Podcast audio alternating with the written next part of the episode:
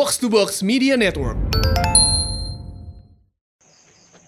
Hai, selamat datang di podcast bercanda.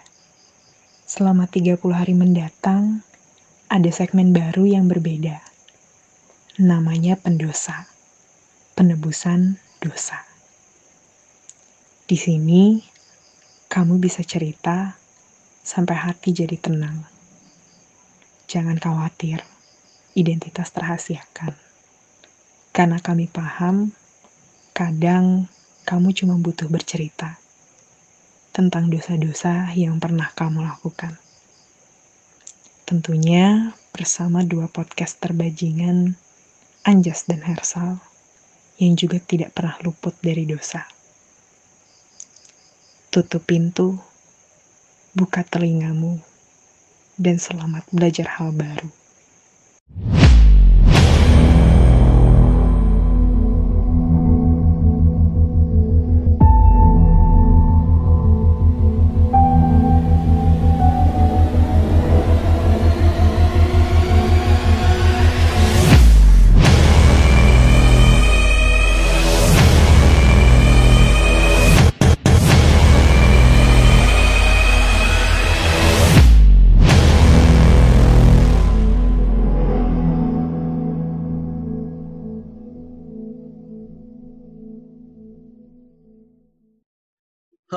Lagi sama gue Anjas di segmen pendosa.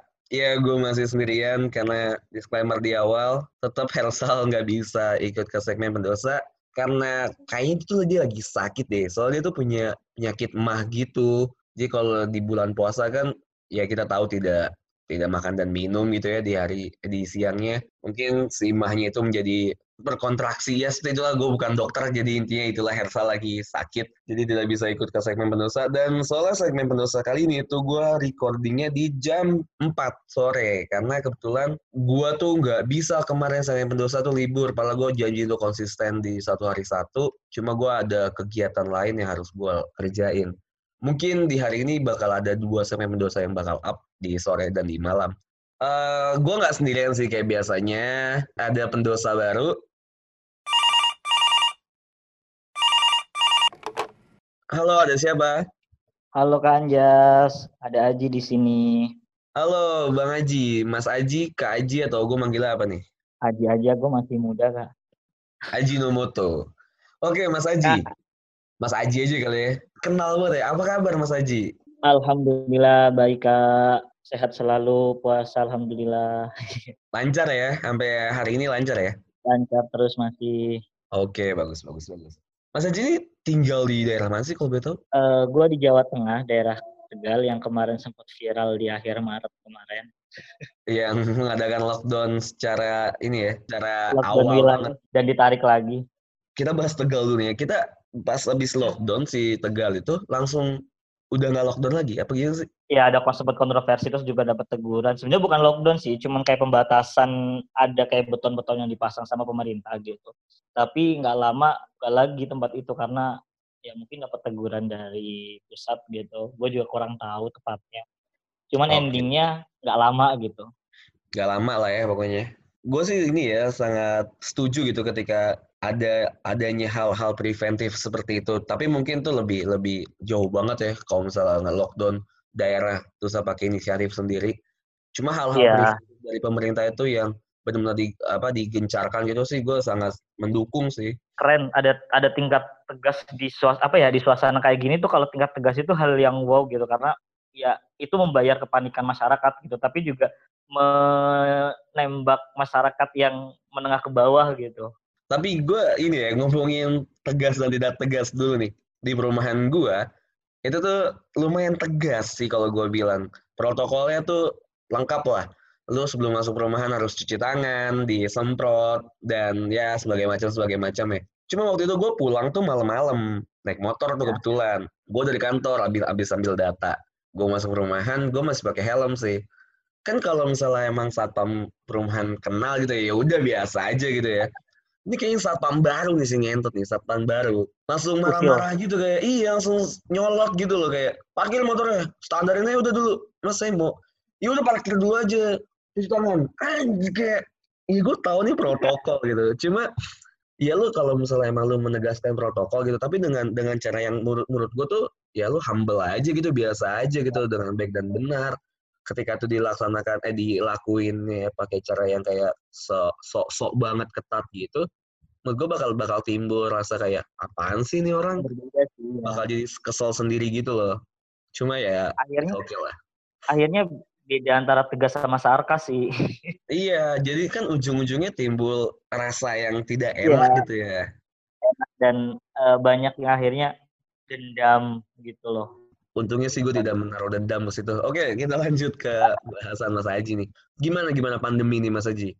Yang jelas semua manusia di bumi ini banyak rutinitas yang berubah ya Kak. karena pandemi ini kita jadi sering di rumah gitu. Banyak kegiatan yang harus diundurkan terlebih mahasiswa semester akhir kayak gue di ambang batas untuk kelulusan gitu. Cuma ada kan eh, sidang online dan wisuda online seperti itu? Atau Mas Haji tuh nggak puas aja ngerasa kayak anjing gue kuliah 4 tahun lebih gitu buat apa sih gue masa gue wisudanya online sih anjing nggak ada rasa-rasanya banget. Kadang formalitas memang perlu ya kak. Jadi hal akhirnya kita tahu oh ternyata hal formalitas formalitas kayak gitu tuh perlu gitu. Tapi kalau dari gue sendiri sih nggak itu sih pokoknya. Mungkin itu emang ada gitu kayak anjir gue capek-capek kuliah tapi pas sidang nggak ada temen yang euforia gitu nggak ada temen yang ngasih hadiah nggak ada temen yang eh datang gitu. Dan sidangnya juga nggak kipas-kipas banget tetap-tetap banget kayak sia-sia aja gitu. Tapi ya sebenarnya bukan itu. Ya tapi karena memang rasa itu ada lah titik muncul lah pasti. Gue yakin. gitu, yakin gitu. gue pasti ada ada rasa iri gitu. Kenapa sih pandemi di akhir 2020 kayak gini untuk angkatan gue jadinya kan bla bla bla bla bla gitu kan? Pasti ada tuh rasa-rasa iri seperti itu. Padahal 2020 tuh angka cantik gitu. Kalau lulus di tahun ini tuh kayak bersejarah banget gitu ya kayak kalau Tapi anak itu kan kayak gitu. Iya, ya, paham kalau sih gue. Ya, gue dari kasih gue tau sih ya. Wisuda tuh sangat menyenangkan, banyak orang. Di itu bukan rasa orang iri. datang gitu kan padahal kita Iya. masih capek di dalam ya dengerin rektor ngobrol eh ngobrol pidato Iya, pidato. Ya, seperti itulah pokoknya. Terus hal-hal positifnya? dari pandemi sih gue yakin banyak orang yang lebih produktif dan lebih lebih mengenali diri sendiri dan lingkungan sih itu yang gue rasa karena kadang manusia di titik kepuasan lupa sama diri sendiri dan lingkungan gitu udah puas dengan kerjanya udah puas dengan kuliahnya udah puas dengan temanannya akhirnya lupa dengan diri sendiri lupa dengan keluarga lupa dengan teman yang sering deket gitu akhirnya oh hal-hal kecil bisa disadarkan karena pandemi ini gitu itu sih yang gue rasa Oh, jadi jadi aware terhadap sekitar lah ya. Kalau misalnya tuh emang manusia tuh sebenarnya nggak bisa hidup sendiri gitu ya. Ya bisa hidup sendiri Oke, oke, oke, oke. BTW, Mas Haji ini udah mendengar podcast bercanda tuh dari kapan sih?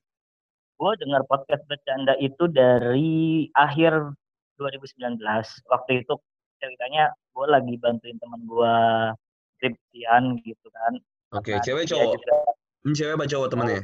Oh, cowok cowok. teman kosan kosan gitu dan kebetulan ya, ya setahu gue kan tuh biasanya cowok kamu teman kosan cewek oh kosan gue sih bebas ya. Gue sih nggak tahu ya. ya teman kosan temen satu kamar masa iya cewek kan nggak mungkin Oh, gue satu kamar sih sama cewek ya. Nggak tahu ya kalau yang lain.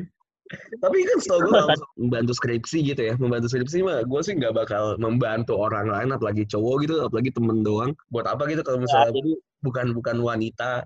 ya gue kan sosialis kak Oke. siapa pun yang butuh bantuan aja Nggak kayak gue ya, oportunis ya. beda jadi waktu itu temen gue lagi nyari nyari nyari referensi gitu kan terus sempet kayak sering dengerin podcast gitu salah satu platform terus kayak jenuh aja gitu dengan podcast podcast monolog pengen cari hal yang baru kata kuncinya bercanda. Karena gue pikir kalau semisal bercanda mungkin kayak stand up ataupun hal lawak yang tujuan dengerin podcast biar ketawa gitu. Ternyata eh ya. ngobrolin gak jelas iya unexpected banget gitu di luar ekspektasi gua akhirnya ya udahlah nggak gue jadi gua tonton gitu. Ternyata pas eh, pandemi ini banyak gabutnya gua kan di rumah akhirnya coba gua tonton satu persatu. Eh kecanduan sampai dalam waktu sebulan bisa ngabisin semua episode dari podcast bercanda. Gabut banget gue ya. Oke oke, tapi lebih ke podcast marah-marah ya, bukan bercanda ya. Ya enggak juga. Kan itu kan tadi kan gue bilang di awal, gue bilang di awal ketika gue butuh konten-konten yang seperti itu. Tapi ternyata ketika gue lihat di dalamnya, wow, ternyata nggak sebecanda itu kontennya gitu kan. Karena apa tuh? Karena apa? wow ngobrolin ternyata bisa juga ya nggak bisa ngobrolin serius dengan bacot-bacot yang nggak jelas tetap ada poinnya gitu. Gue gue yang gue suka itu sih kayak nggak perlu pidato ataupun yang di YouTube YouTube beropini kayak gitu dengan nada yang terlalu naratif gitu. Tapi dari obrolan aja kayak bisa menyampaikan pesan itu menurut gua hal yang nggak bisa semua orang dapat gitu, nggak bisa semua orang punya gitu. Gimana ya jelasinnya ya? Nggak bisa semua orang punya bakat itu gitu. Makanya gue okay, seru. Okay. Podcast bercanda menyampaikan sesuatu yang ada isinya tapi dengan obrolan yang santai. Soalnya gue merasa gue ngobrol dengan Hersa gitu tapi gak ada isinya sebenarnya ternyata banyak orang yang menganggap itu ada isinya dan bisa diambil sebagai insight baru. But it's okay, gue sangat senang. Terus kita balik lagi ke segmen pendosa ya. Uh, anggaplah dua bulan lagi nih kiamat nih. Gara-gara pandemi ini. Terus kayak tiba-tiba perang nuklir nih Cina dan Amerika dor dor dor gitu kan tegal jiwa kena nuklirnya dua bulan lagi nih bakal berakhir. Apa sih yang pengen Mas Aji sesali gitu sebagai dosa atau penyesalan? Dan apa sih yang bakal Mas Aji lakukan penyesalan terberat gue adalah di 2019 gimana ya menyesali terhadap diri sendiri sih lebih ke penyesalan terhadap diri sendiri dan itu impactnya yang bakal gue lakuin di 2020 ini gitu.